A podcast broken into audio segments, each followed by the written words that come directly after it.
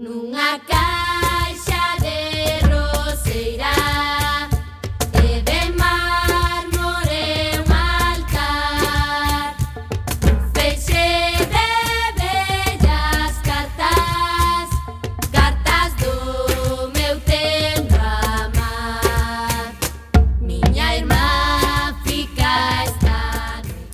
Moi boa tarde, recendeiras e recendeiros, benvidas e benvidos a este espazo radiofónico semanal dedicado á cultura que facemos en rigurosísimo directo todos os martes ás 7 da tarde aquí en Coac FM a 103.4 a Radio Comunitaria da Coruña.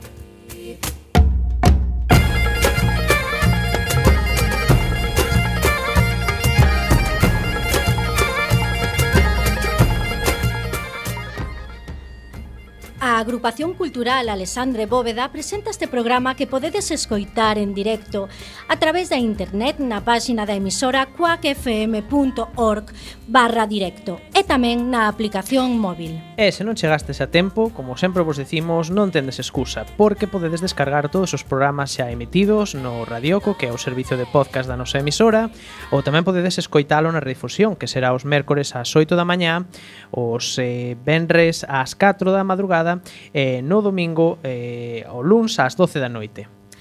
E a partir de agora, seguídenos nas redes sociais, tanto neste programa Recendo, como da propia agrupación cultural Alexandre Bóveda, que teñen abertas as súas canles en Instagram, Twitter e Facebook, ou na web www.acalexandrebóveda.gal.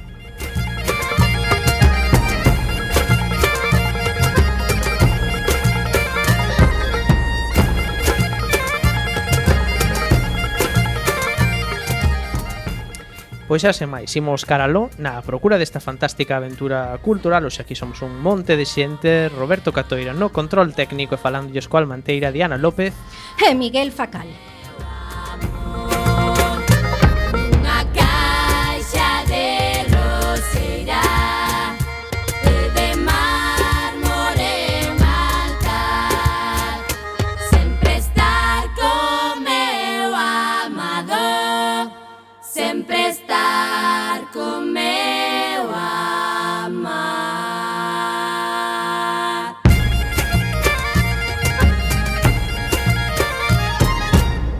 Pois este é o noso programa número 442, que ademais é o último desta 14ª temporada, que xa quen o diría, 14ª. Hoxe estará connosco Manuel Pampín, un dos rostros máis históricos da televisión de Galicia que acaba de xubilarse, que nos veu ademais visitar aquí ao campus da Zapateira. Falaremos das actividades da nosa agrupación e das outras cosas que se fan na Coruña e na Galiza e que tamén son cultura. Ademais, tendo en conta pois que os as eh, fan referencia a varias semanas, porque, bueno, pois collen tamén eses primeiros días de, de suyo. Diana, que imos escoitar hoxe? Música de hoxe. A semana pasada actuaron na nosa cidade Laura, La Montagne e Pico Amperio. Unha das sensacións da nova música galega, presentando o seu primeiro disco titulado Algo que sinalar no que mesturas electrónica con música medieval galego-portuguesa, aínda que algúns chamanlle trip-hop. Presentamos a primeira peza de hoxe titulada Vangarémonos nas ondas, baseada nunha célebre cántiga medieval.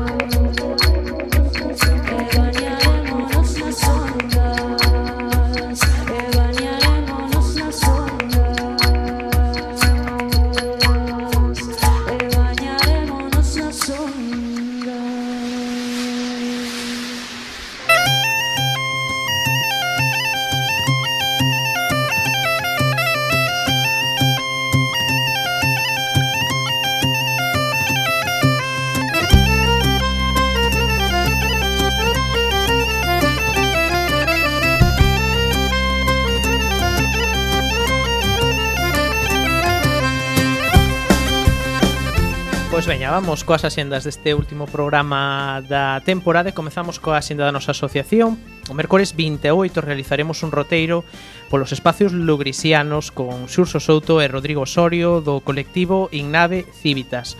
Comezaremos a iso das 7 da tarde no Museo de Belas Artes para visitar ali unha das obras de Lugris. A, continu a continuación veremos o mural da oficina principal de Abanca na Rúa Olmos e que decoraba o Café Vecchio ate non hai moito, na Rúa Real. Pararemos tamén no antigo restaurante Fornos para denunciar o estado das obras de Lugrís que ali están e logo a rúa iremos á Rúa da Estrela e á Rúa Mantelería un día ben completo. Benres 30 ás 17 horas comeza a segunda festa Emerging da Poesía Atlántica cunha palestra de Mónica Vázquez Pozo titulada Emerging, Ponte do Patrimonio Cultural entre Galiza e Irlanda. Organizamos esta festa con Inave Civitas, xuntas polas artes e coa colaboración do Instituto Universitario de Estudos Irlandeses Emerging da UDC.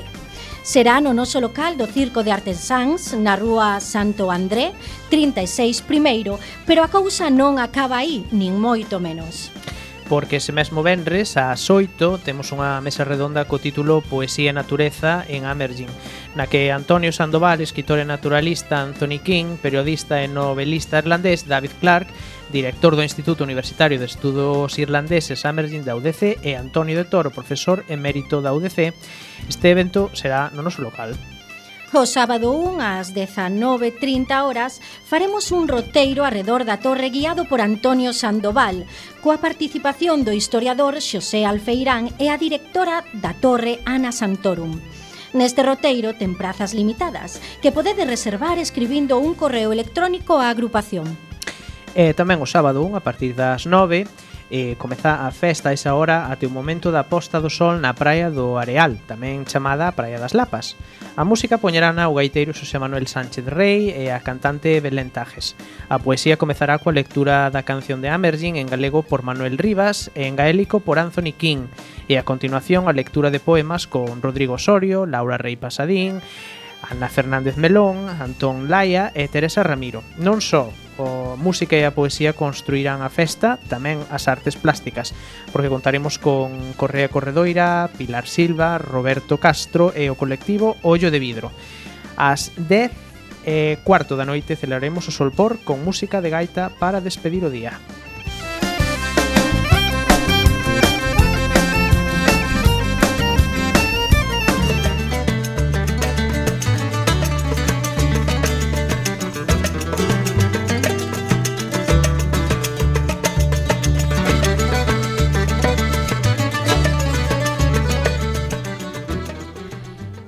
ca Axenda Cultural da Coruña. Audiovisual. Remata a tempada do C. Gai, como xa dixemos a semana pasada, coa época alemá do director Douglas Sirk, considerado o rei do melodrama. Esta semana poderedes ver cintas como A Anduriña Cautiva ou A Habaneira. Está subtitulada en galego. E como se se ten contado moitas veces, a primeira boda entre persoas do mesmo sexo no Estado español tivo lugar na Coruña lo polo ano 1901.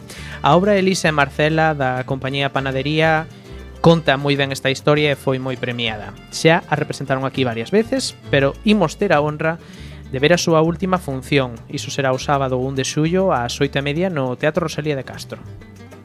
Nacemos para ser felices, non para ser perfectos.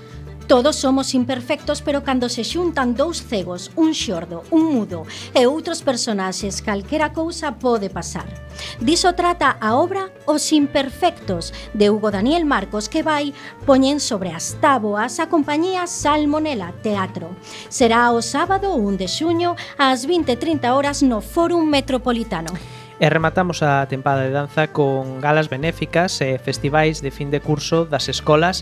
Angelina Masud e o seu alumnado presenta a quinta mostra e gala benéfica a favor de Ecos do Sur coa peza Terra de Faraón. Será o Benres 30 ás 8 no Foro Metropolitano.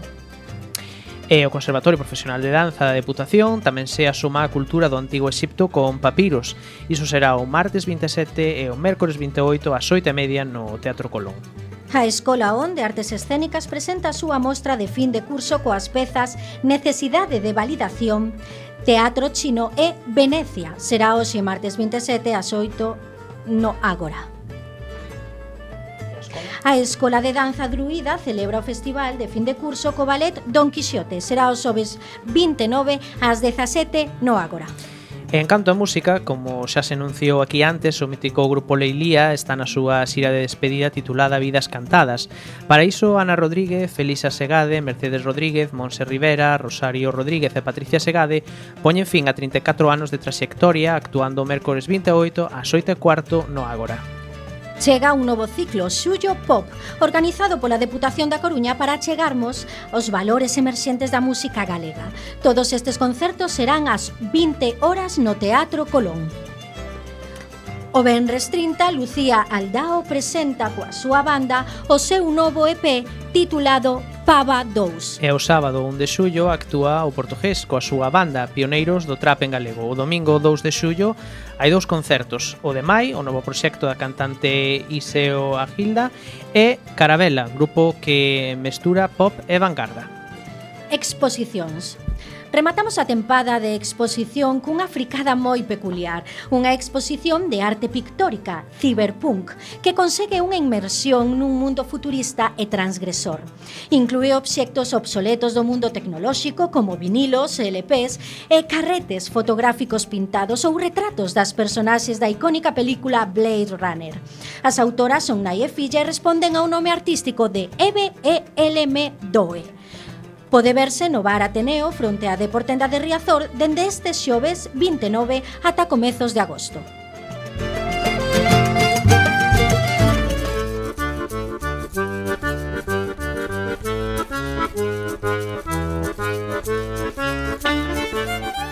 Tempo agora para a xenda de Galicia Comezamos por Lugo, onde o colectivo Avante LGTB Plus de Lugo organiza unha xornada de curtas queer no Festival do Orgullo 2023. Será o xoves 29 ás 8:30 no Centro Social a Heredreira, ubicado na Rúa Catasol número 17. E atención porque haberá pizza vegana. E en Pontevedra, Remember, é o espectáculo de danza da escola Getting Jiggy Dance Studio, dirixido por Verónica Aboi e co que despiden o curso podedes velo ben 30 ás 20 horas na sede de A Fundación. Eh, Braza Antifa é un grupo ferrolán composto polas artistas Lucía Amado e Marina González que teñen un son pop e unha actitude punk e que xa actuaron nalgúns festivais como Noroeste ou Revenidas. Actúan os xoves 29 ás 9 da noite na Capela do Torrente Ballester en Ferrol. Vigo.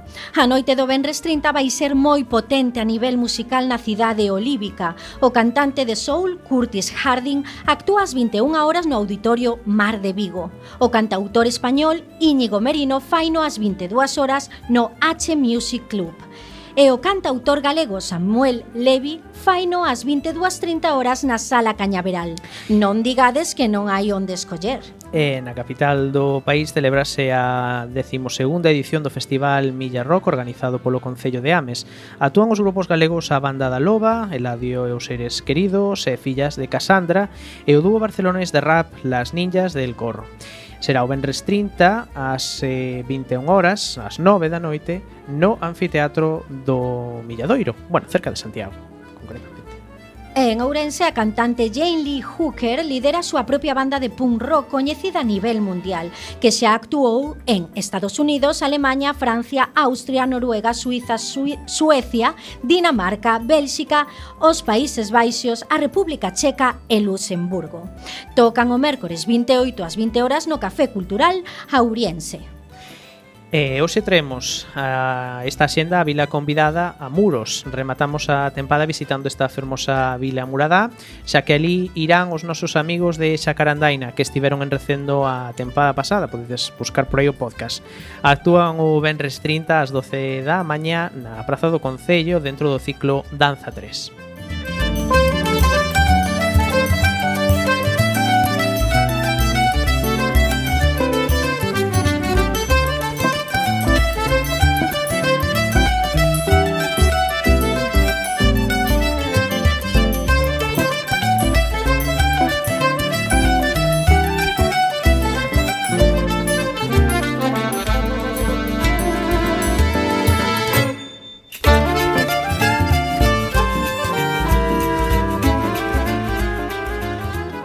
Vivimos tempos de desinformación, bulos, manipulación e directamente mentiras.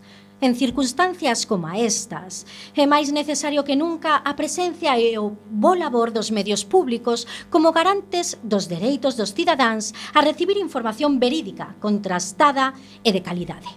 Tamén os medios de comunicación públicos, no caso da nosa terra, que conta cunha lingua minorizada, tamén son os garantes de que os cidadáns reciban información e contidos na súa lingua nativa. Os medios públicos de Galicia son a Radio Galega e a TVG que, aínda que empregan o galego en todas as súas producións, deixaron hai tempo, sobre todo no caso da TVG, de seren medios fiables por mor do partidismo das súas informacións. Alleos a esta dinámica non son os profesionais da radio e da televisión que xa levan máis de 10 anos reclamando que o control político exercido pola dirección desapareza. Estas reivindicacións veñense facendo dende a plataforma que aglutinan profesionais, persoeiros da sociedade civil e todos aqueles cidadáns preocupados pola manipulación política dos medios financiados por todos nós. O noso convidado de hoxe foi testemunha de excepción da historia da televisión de Galiza desde os seus primeiros pasos nos anos 85 ate este ano no que se subilou.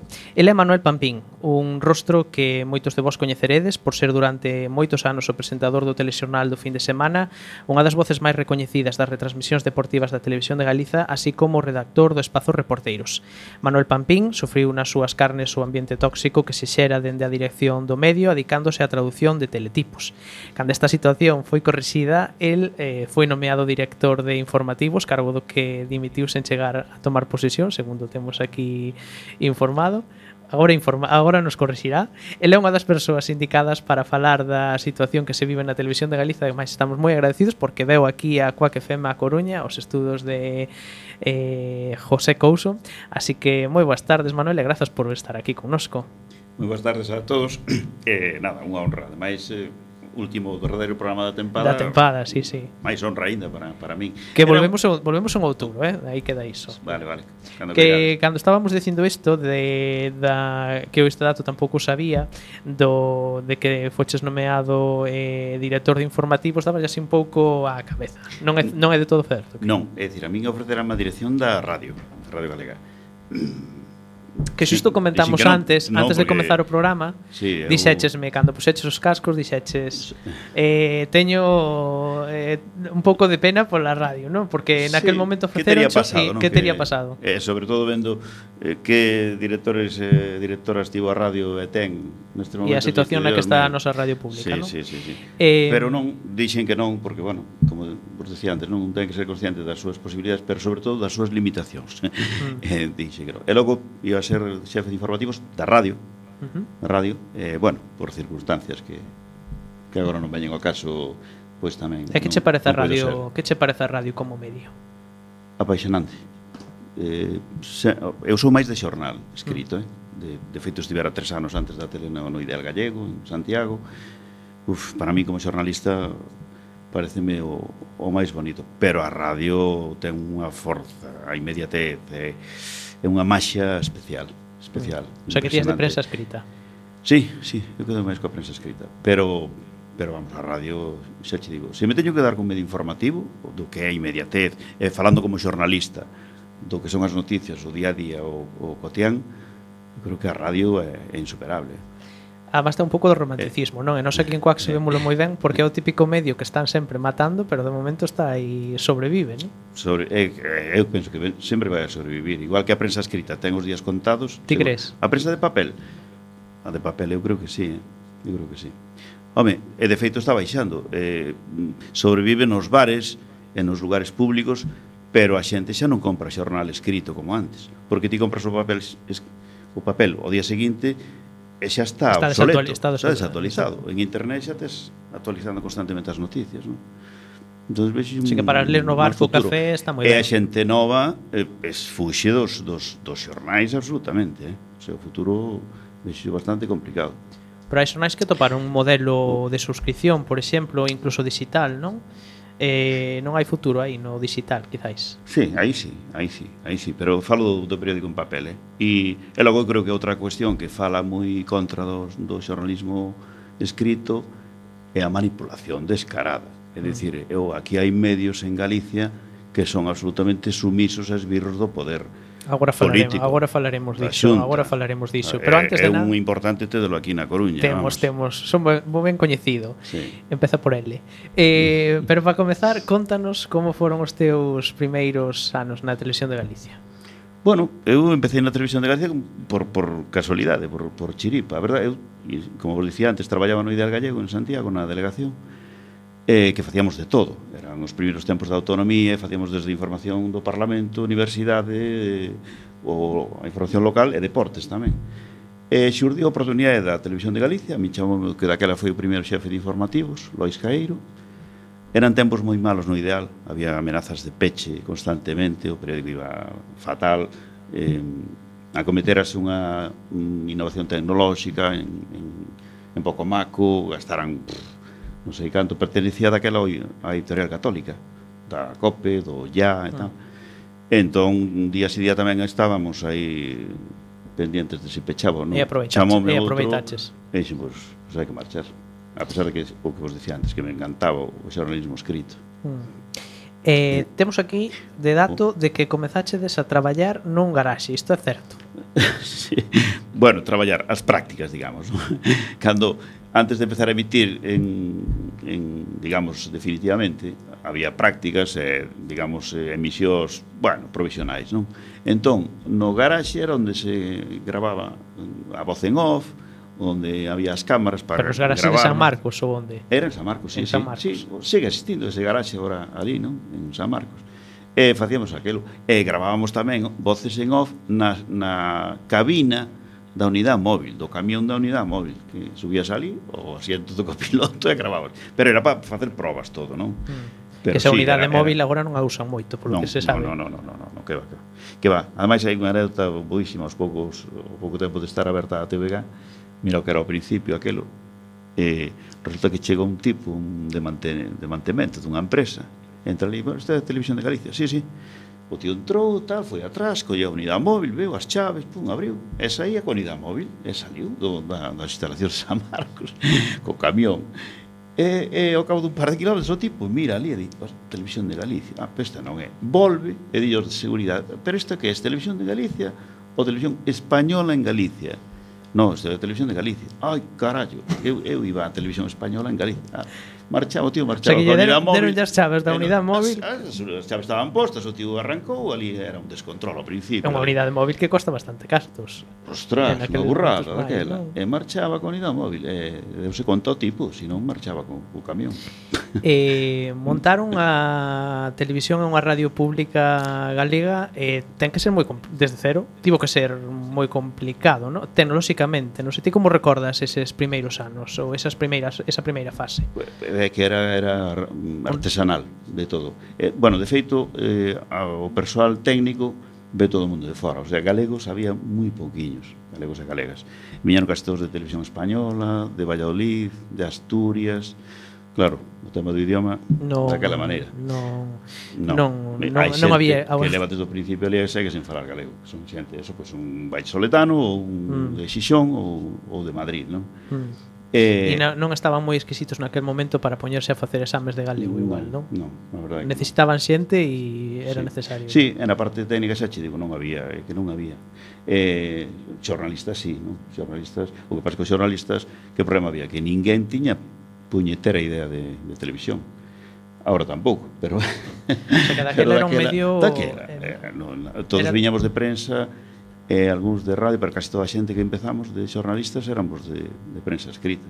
Mm. E, vamos, foi como da noite ao día, absolutamente. Que moitas veces Todo. tamén se fala deses primeiros no. anos da televisión de Galicia, con especialmente, como uns anos nos que de efervescencia creativa na televisión. e Influiu isto de que era un medio novo e a xente estaba, bueno, pois, sí. era investigar, era facer no momento. Crees que influiu iso? Eh, sí, e sobre todo, para min a base de que ao principio se fixera con liberdade, eh, porque non, non había aínda conciencia da forza e da influencia que podía chegar a ter na poboación un medio como este.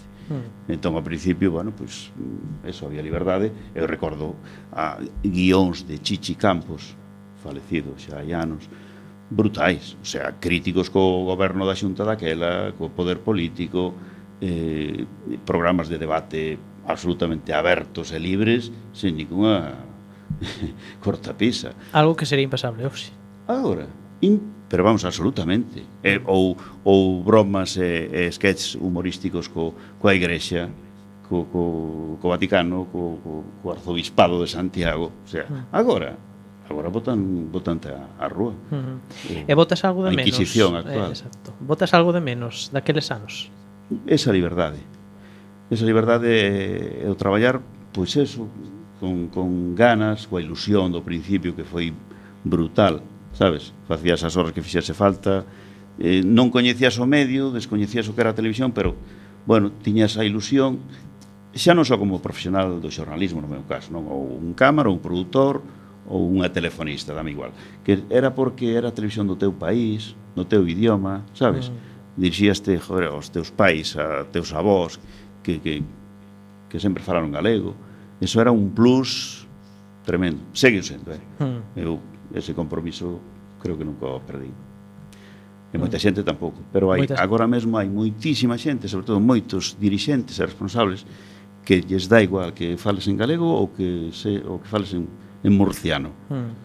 O sea que o galego para eles é, é o de menos. É o hmm. país xa non che digo nada. Eh, cando o... comezas a notar unha mellora na teu verá? Se anotas.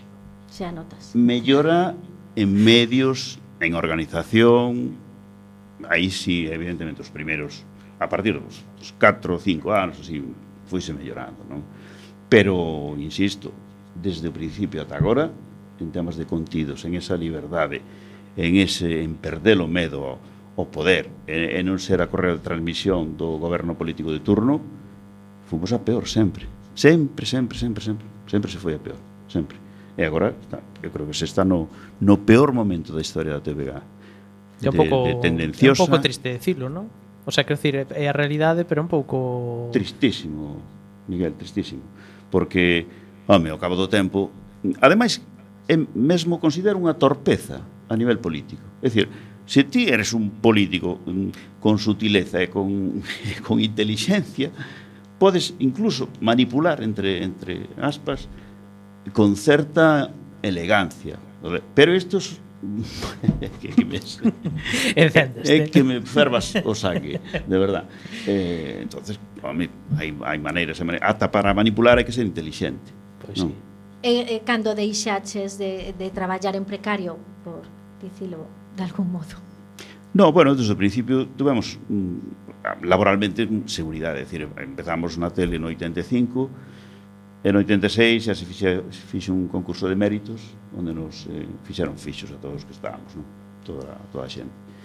En ese sentido nunca houve ningún problema, non? E ese, a empresa é segura, hmm. cobramos a final de mes, eh, vamos, non, non hai en ese sentido ningún, ningún problema. Pero eh. logo veñen as cuestións eh, eso, persoais, eh, se non eres unha persoa guiada, esbirra, servil, bueno, pois pasa o que pasa, non? e que vos motivaba máis a ilusión de ser a primeira televisión da historia en emitir en galego ou as ansias profesionais de facer un bo traballo? Bueno, 50%, 50%, pero o, o tema de ser a túa televisión do teu país en galego, uf, eso, eso lévalo moi dentro. Eu sempre digo que hai un hai un perfil, ou debe haber un perfil de traballador e traballadora da, da TVG e da Radio Galega, non? Non só tens que ser o xornalista, ou cámara ou, ou produtora tes que ser eh, tes que ter unha sensibilidade especial por este país, non? Se non a tes, se che dá igual traballar na TVG que na televisión de, de Murcia, con todos os respetos, mm. pois non, tes que ter un, unha inclinación, un, un sesgo, mm. un hmm. sesgo para, para unha televisión que é do teu país, da tua xente, e da, bueno, das eh, nosas raíces, non? Sí, que nos seus, nos seus principios fundacionais, non? Está a promover a cultura e a lingua galega, que despois podemos debate, eh, comentar se realmente é así, non? Pero eh, está, en, está na lei recollido. Está na lei. Está, está para promocionar, protexer, divulgar o galego, a nosa cultura, as nosas historias. Que é a única que debería facer, o sea, que é a única eh, que, que eh, ten a posibilidade de facelo, porque realmente o resto non... non xa, xa Antes, cando que... poñía, poñía Roberto na, na, na banda sonora, sí. poñía música, ale creo que me algo de Milladoiro ou alguma cosa tal, E digo, Dios mío, e non hai un programa de, de, de cultura e, e de música agora mesmo na, na galega como ten que ser. Bueno, na Radio, Ovos, Galega, na Radio Galega había, o pasa que o eh, claro, trocearon, ¿no? Exactamente, eh, exactamente. Eh, mira, non sabemos se si todo isto que vimos comentando foi o que lle valeu a Televisión de Galicia ese apodo que lle puxeron que a mí non me gusta moito, a verdade, o de Telegaita. Non sei se crees se aínda se mantén iso, se foche quen de eh, deixar atrás este termo, que che parece este termo? Contanos. Sí, a mí nunca me gustou, eh? nunca me gustou porque sempre se, se di de forma peyorativa e eh, eh, para nada, non? a ver, que orgullosísimos de, de, de, de que a gaita represente unha parte deste país, musicalmente, eh, todo tipo de, de tradicións. Pero que, que pasa? Que ainda, ainda sigue vixente. Ainda hai xente, sobre todo do ámbito urbano, mm. que, es, que se siguen referindo a telegaita en plan mm, despectivo, non? En plan pailán, eh, aldeano. Pois non, para nada. É dicir, hai que estar orgullosos de, de, da, da nosa gaita, das nosas, dos nosos instrumentos musicais e de todo, pero non, o que representa, tal e como di moita xente, para nada. Pero está superado, eh? no, no plano persoal. Mm. A mí non, non me gustaba, pero bueno, sabía que, que era mm, de pouca xente, vamos. Mm. É dun entorno moi determinado, xa. que non decía. Sí, pero ainda sigo escoitando por aí. Eh. Sí, sí, sí, sí, sí. Eh, bueno, xa nos contaches un pouquiño, pero eh, ti dirías que te sentiches máis cómodo entón eh, cando comezaches na traballar na TVG neses primeiros anos que agora ao final da túa carreira? Sí, sí, moito máis. Polo que decías agora de que a situación, digamos, o ambiente eh, mm. ali en San Marcos está un pouco... Eh, agora, tóxico. Irrespirable, total, non? Polo que din os medios. Totalmente. E ao principio, polo que vos decía antes, non? De dicir, a ilusión, as ganas, eh, un medio novo, apaixonante tamén, como a televisión, do teu país, no teu idioma, eso, traballando en liberdade e con, e con todo, toda a ilusión do mundo, e agora estás eh, rodeado de xente que igual non está capacitada para o que fai, e que non fai nada por, por crear grupo, por volver a ilusionar as traballadoras e traballadores, e xente que está absolutamente servil ao poder político e que non lle importa o rigor do produto que, que emites. Non, non, simplemente están aí a manter os seus privilexios persoais en forma de pluses económicos, de cargos, etc. E, e bueno, o que sae creo que se ve todos os días. Sí, no, sí, non, non hai moito... Non hai que ser moi observador, eh? Exacto. Eh, porque ademais as escaletas están ali na web colgadas dos, eh, dos informativos e, bueno, están á vista de, de calquera, non fai falta ver o informativo completo. Sí. Eh, esta, estes cambios na televisión de Galiza, eh, o sea, eh, crees que foi algo progresivo ou houve algún momento no que pois foi como eh, un punto de aparte? Eu creo que desde o 2009 hai un xa un un cambio radical e brutal. Dicir, mira, eu sempre hai xente que yo dice, sobre todo xente de, de esquerdas, que non, que non o cree. Dizlle, mira, o PP de Fraga, Cuiña, Pérez Varela, Pita, toda aquela banda, siniestro total, caciques donde soubera, pero a súa maneira querían o país, a Galicia, eran galeguistas. Desde cando acabou o partido en 2009, e temos PP desde 2009, con Feijóo e compañía, ese galeguismo, a, adeus, perdeus por completo. O sea, xa, nin esa parte eh, coidan. Eh, eso entón, trasladase aos medios, eso trasladase aos medios. E logo dos medios, xa, o que falábamos antes, a prensa escrita, os radios que están subvencionadas polo, polo, pola xunta, nunca van a criticar a deriva mm, propagandística da, da TVG e da radio. Claro, porque esta é outra, esta é outra cousa. Como se vive ese silencio mediático que hai eh, alrededor desta protesta de tantos anos eh, dos traballadores e traballadoras da televisión de Galicia? É unha vergoña, porque ademais coñeces a traballadores que están neses medios, non? E dinche, mira, isto, isto é o que hai. Eh, estamos, isto é o mellor postor. O xornal que dicías ti da Coruña, que empeza por L e termina por Galicia, bueno, pois... Eh, evidentemente, cando alguén goberna e manda, pois pactamos, Mira, a mí contarme xente da mes de, de primeira man cando en 2015 fora, non, cando en Santiago eh, fora elexido como alcalde Martín Noriega de Compostela Aberta, que era, bueno, como que era Marea en Coruña e tal. Mm. Bueno, pois o domingo das eleccións, o luns seguinte das eleccións, cando xa todo apuntaba que sería Martiño o alcalde, xa houve chamada de, ese xornal coruñés que empeza por ele para mm, negociar, para decir, ei, Isto vamos a, a ver como tratamos este, este asunto, a ver como negociamos. Eh? Mm. Para... E cando isto é así con un concello, que será no resto, non? Home, ademais, a ver, só hai que mirar o, o xornal escrito en papel e, e ves dúas páxinas enteiras de, de publicidade de, da xunta, eh, media de non sei canto, media tal. E diste, aquí hai unha cantidad de diñeiro para este xornal que, que logo, claro, é, é servil é servil. Pero eu estou convencido de que mañá está o BNG, ou está o PSDG PSOE, ou están os verdes, e fan igual. O sea, é unha estrategia empresarial, é de negocio, simplemente. Mm. Quen Pero... dixera que lo de cando a información empezou a ser negocio, deixou de ser verdade. Ou, bueno, non sei, hai unha historia, hai un un dito. Un proverbio. Um, bueno, ti agora estás xubilado, pero como traballador, eh, como crees que, que se sinte un traballador cando pois iso estás reclamando determinados dereitos, non? E ves que non, bueno, agora pois en certos xornais quizáis un pouco estata, máis estatais, pois apezan, apezan a aparecer novas, non? Pero claro, cando ves que non tampouco non ten así ningunha repercusión, que hai como un silencio, ten que ser un pouco, non sei se desanima, eh, se desanima. Muitísimo, moitísimo. Sí, é o que che decía antes, de que ves que eh, os Benres Negros, por exemplo, non? xa van cinco anos, 270 prácticamente, eh, non ten repercusión ninguna non, aquí, eh, a voz, Faro, Correo Gallego, Región, nada, de nada, de nada. Eh, cando gañou o premio Defende a Galega o premio Xosé Couso. Uh -huh nada, nin a propia empresa, nin a propia Radio Galega, nin a Televisión de Galicia dixeron nada dun premio que todos os anos sí que, que informaban e entrevistaban a ganadores e ganadoras e tal. E, si deste, eso, triste, pero que pasa? Que é o reflexo do que estamos dicindo, do mercantilismo este, de que a mm. prensa e os medios están absolutamente vendidos e comprados.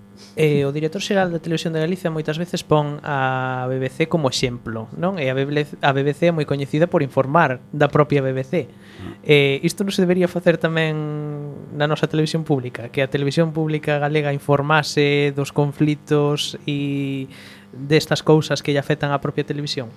Totalmente. O que é información é información, ainda que se refira á túa propia casa.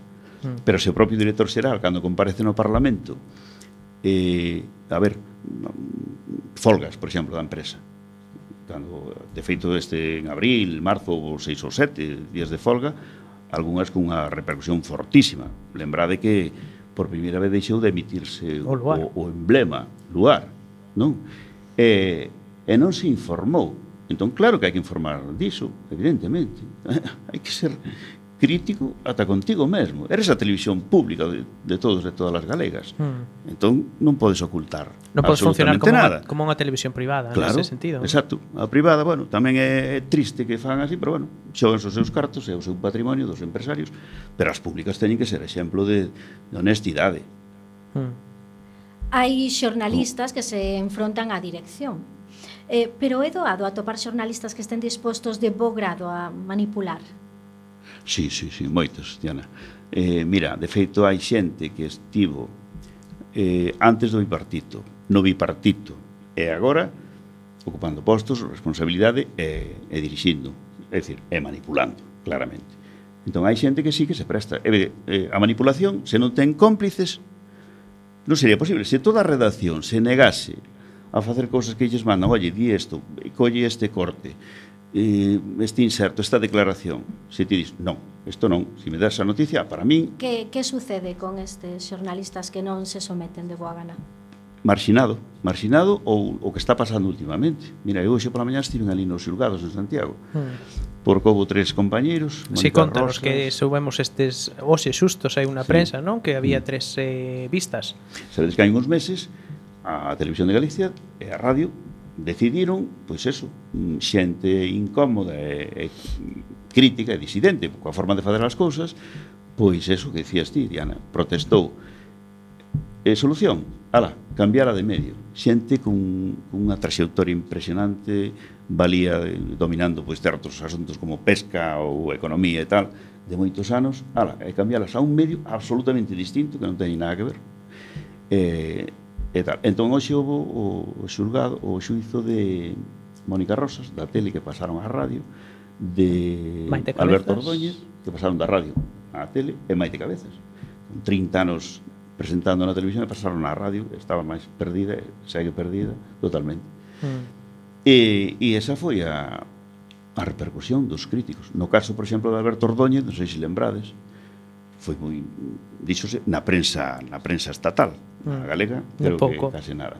O tipo deu unha información sobre o dato do o IPC, IPC non? famoso. A famosa o IPC nova Galicia, IPC. Subiu máis que no resto de España e tal. Bueno, pois a da tarde, a da mm, directora dos informativos da tarde, dixe, oi, este dato hai que non o des así, hai que cambiálo e tal. Dixe, non, é un dato, non é a miña opinión, é un dato que está aí.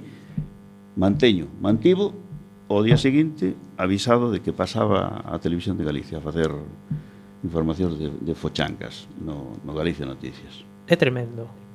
E como pode ser que non se corten nada? Porque non hai repercusión, Miguel, porque non pasa nada. É porque os medios, a, a prensa, a, a radio, non vos, non di nada, non se sabe nada. Do que non se sabe, o que non sabe, non se coñece. E, e non pasa nada. E teñen eh, políticamente, hai maiorías absolutas que ocultan absolutamente todo, e xa está, aí está, a tormenta perfecta. E, entón, e os que protestamos, e a xente que está aos venres negros, e defendendo a Galega, e indo ao Senado a Madrid, ou manifestándote diante do Parlamento e tal, bueno, pois é o pataleo, o delito pataleo, pero, pero nada máis. Pero porque cada vez actúan con máis descaro, e, e, con máis, e sen disimulo ningún. Cales son eses temas que son totalmente tabú? todos os que van contra o, o PP, a Xunta, o PP de Madrid. É que agora mesmo hai case como unha tendenciosidade dobre. Claro. Por un lado está aquí Rueda e está Feijó en Madrid. Hai que promover eh, moita xente.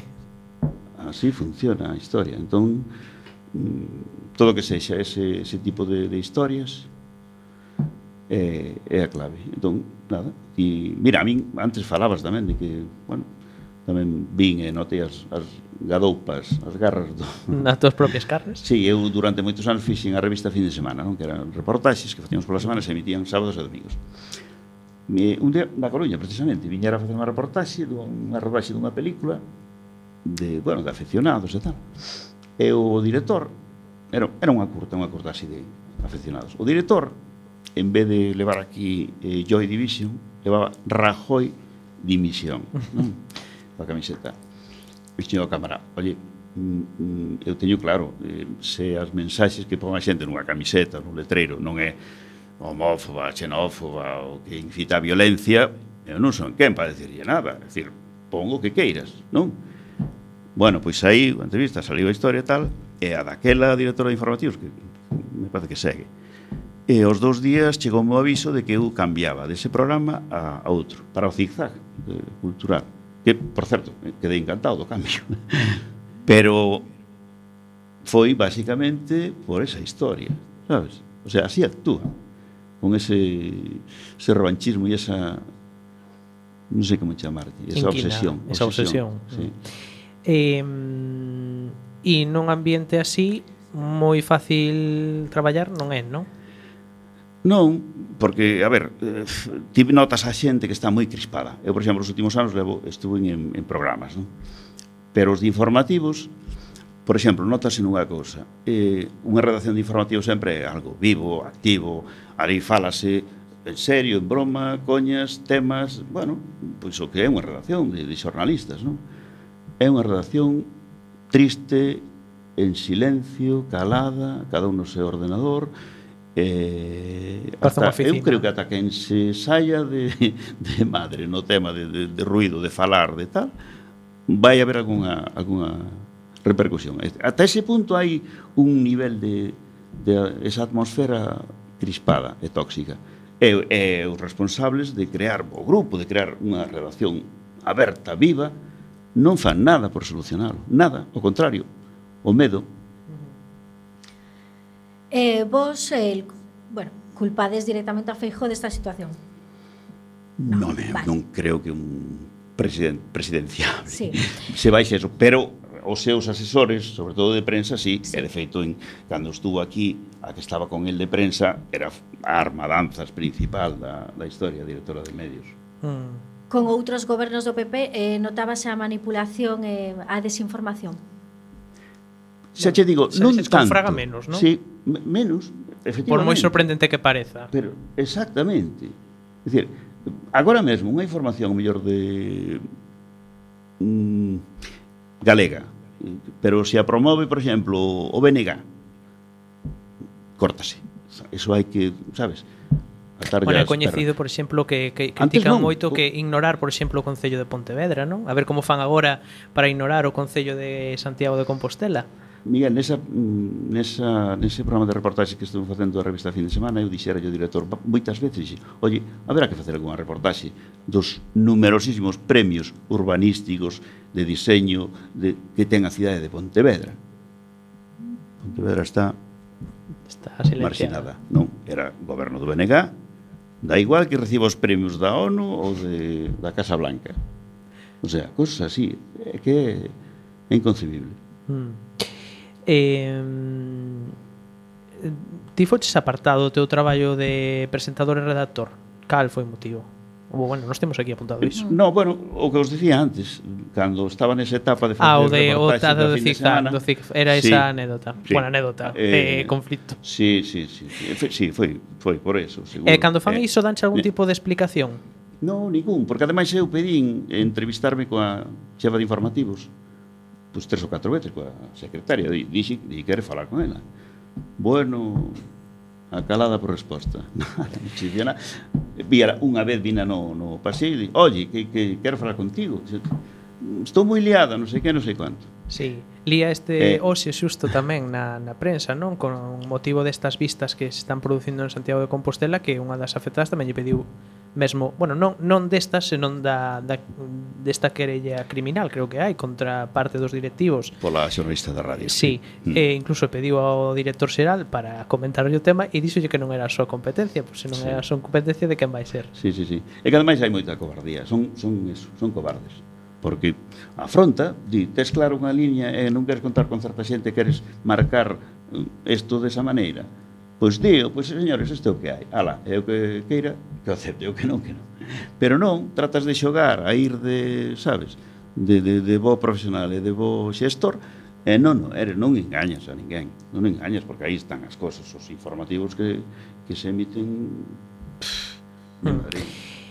Ti despois, falando dos informativos e do telexornal, ti voltaches a presentar o telexornal, non? Por que foi este cambio? Mm, eh, eh, foi cousa túa ou propuxeron ou como foi? Mm, a ver, foi cando o bipartito, cando chegou no mm. 2005, a min xa che digo, ofrecer o meu tema da radio, non? o da radio non xurdiu, quedou así Bueno, pois son esto dixete eu para isto non estou preparado. Sí, na dirección sí. No outro tema xa no outro día falamos sí. un programa completo. Eh, entón, bueno, pues, seguín na tele eh, o que era daquela director de informativos díxome que, que queres facer? A ver, eh, eu daquela acababa de, bueno, acabamos de ter unha, unha filla, unha rapaza, e dixen, bueno, pois mira, cal é a, a mellor maneira de estar moito tempo con ela, de, de vela medrar, pois a fin de semana, pedir, pedinlle autor fin de semana, que é sábados e domingos, libros de non sabernos. Mm. E, e dixen, bueno, vale, te presentas. Dixen, bueno, vale. E foi, foi eso, simplemente. E, eh, e que tal, estuve moi ben, estuve de... con coa, coa grandísima Teresa Castelo, eh, que oxalá este escoitando, está aquí na Coruña. E, bueno, comentábamoslo aquí antes tamén eh, fora de micros, facer un programa de radio en directo tamén ten así a súa parte emocionante, emitir, facer un telexornal máis, supoño, non? Sí, sí, sí, sí. Um, uf, un pouco adrenalina, especial, o que? Sí, sí, sí, moito. E eh, eh, moito máis medo, por exemplo, que, que eu que cando estaba na etapa de deportes, Miguel, porque, a ver, deportes, máis ou menos controlas, máis o que hai, xa síguelo habitualmente, tal, informativos, o que o resto da información xeral, uf, hai moitísimo campo de, de hmm. Dios, no? desde Tens que estar Galicia, día, ¿no? España, internacional, etc. Entón, cal era o pánico mm, de, de escena? Eh, que de repente o pronter, o texto que lees na propia cámara, che falle en un tema que non tes nin puñetera idea. Entón, entón aí había que, estar espabilado. Eh, ¿Ethical crees que pode ser a solución así para terminar con a nota positiva para mellorar a situación na televisión de Galicia? Porque claro, ahora está pendente deberían cambiar eh, a, directi a, a o director xeral, non? Está, está aí, eso, está, iso blo aí está bloqueado e e tamén no. falan moito pois dun consello de, de informativos. Eso sería un moi bo paso, ti crees? un primeiro paso importantísimo sería decir que un Consello de Informativos formado por mm, X xornalistas, bueno, e incluso pues, os cámaras ou xente de producción de outros ámbitos, pero basicamente xornalistas, non? pois que, que decidisen e que en consensos se valorase que é noticia, con que se pode abrir un telexornal, que tratamento de se dá esta noticia ou cal a outra, sabes? Entón, esa sería unha solución. E logo, xa máis en xeral, máis estructural, pois que o Consello de Administración da CRTVG non sexa formado por monicreques dos partidos políticos, que sexa formado por profesionais do medio, pois pois ti, Miguel, ou Diana, ou mm. Roberto, pois mm. ser do Consello de Administración da CRTVG, coñecedes o medio e sabedes de que vai un pouco, e que non sean simplemente as correas de transmisión dos políticos de turno. Mm. Ti crees que hai esperanza? Non no, es, pesimi es pesimista. A, curto prazo para, para nada. Non, é un xoguete mm, demasiado bonito e con, con unha influencia e unha, un poder de convocatoria tan grande que non o queren deixar, seguro, seguro. Para rematar, como levas a vida de xubilado? Se viñaches de Coruña, xa nos dices, te veches sí, buscando sí, por aí, sí, sí, sí, sí. revisitando sí, oye, campos, si alguén ¿no? sabe, unha Que nos escriban ao WhatsApp de cualquier FM. Para un estudiante. Sí. sí. Na ben, pois pues eso, tranquilo, rachado, non madrugas, eh, lees, paseas, estás coa familia. Eh. Pero tamén ao mesmo tempo sintes pola xente que queres e aprecias que aínda sigue ali este tipo de historias, non? Hoxe me encontrei ali con moitos no Claro, porque non perdes o contacto ca xente, non? E estas claro. cousas Ah, non, non, é na barricada sempre hai que estar, eh? Cando hai, eh, fomos a Madrid, ao Senado e tal. Mm. Agora podes. Agora tes máis tempo. tempo. Pero me... xe ves a xente ali eh, puteada e dis mm, hai que estar, vamos, máis que nunca. Mm. Máis que nunca. Pois, eh, Manuel Pampín, agradecemos che eh, o teu traballo, agradecemos che que estiveses visto se aquí, comentarnos todas estas cousas que é super importante e despedimos esa temporada contigo. E nada, agradecemos honra, moito que estiveses connosco e nada, aquí quedas para convidado para outra vez. Moito éxito. E a ver cando vos escoito na Radio Galega. Ai, eu firmo... Eh? Asinamos aquí, xa.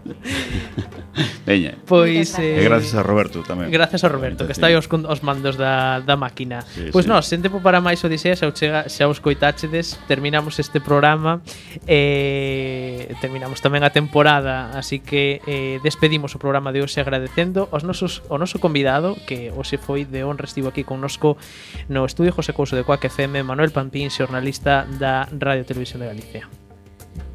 E agradecendo a semente pedra angular de todo o noso comando e equipo de produción formado por Javier Pereira, Gema Millán e Roberto Catoira. E aquí estivemos eh, Roberto Catoira nos con... nos controles técnicos, sí. Eh, colentó no micrófono Diana López e Miguel Anxo Facal.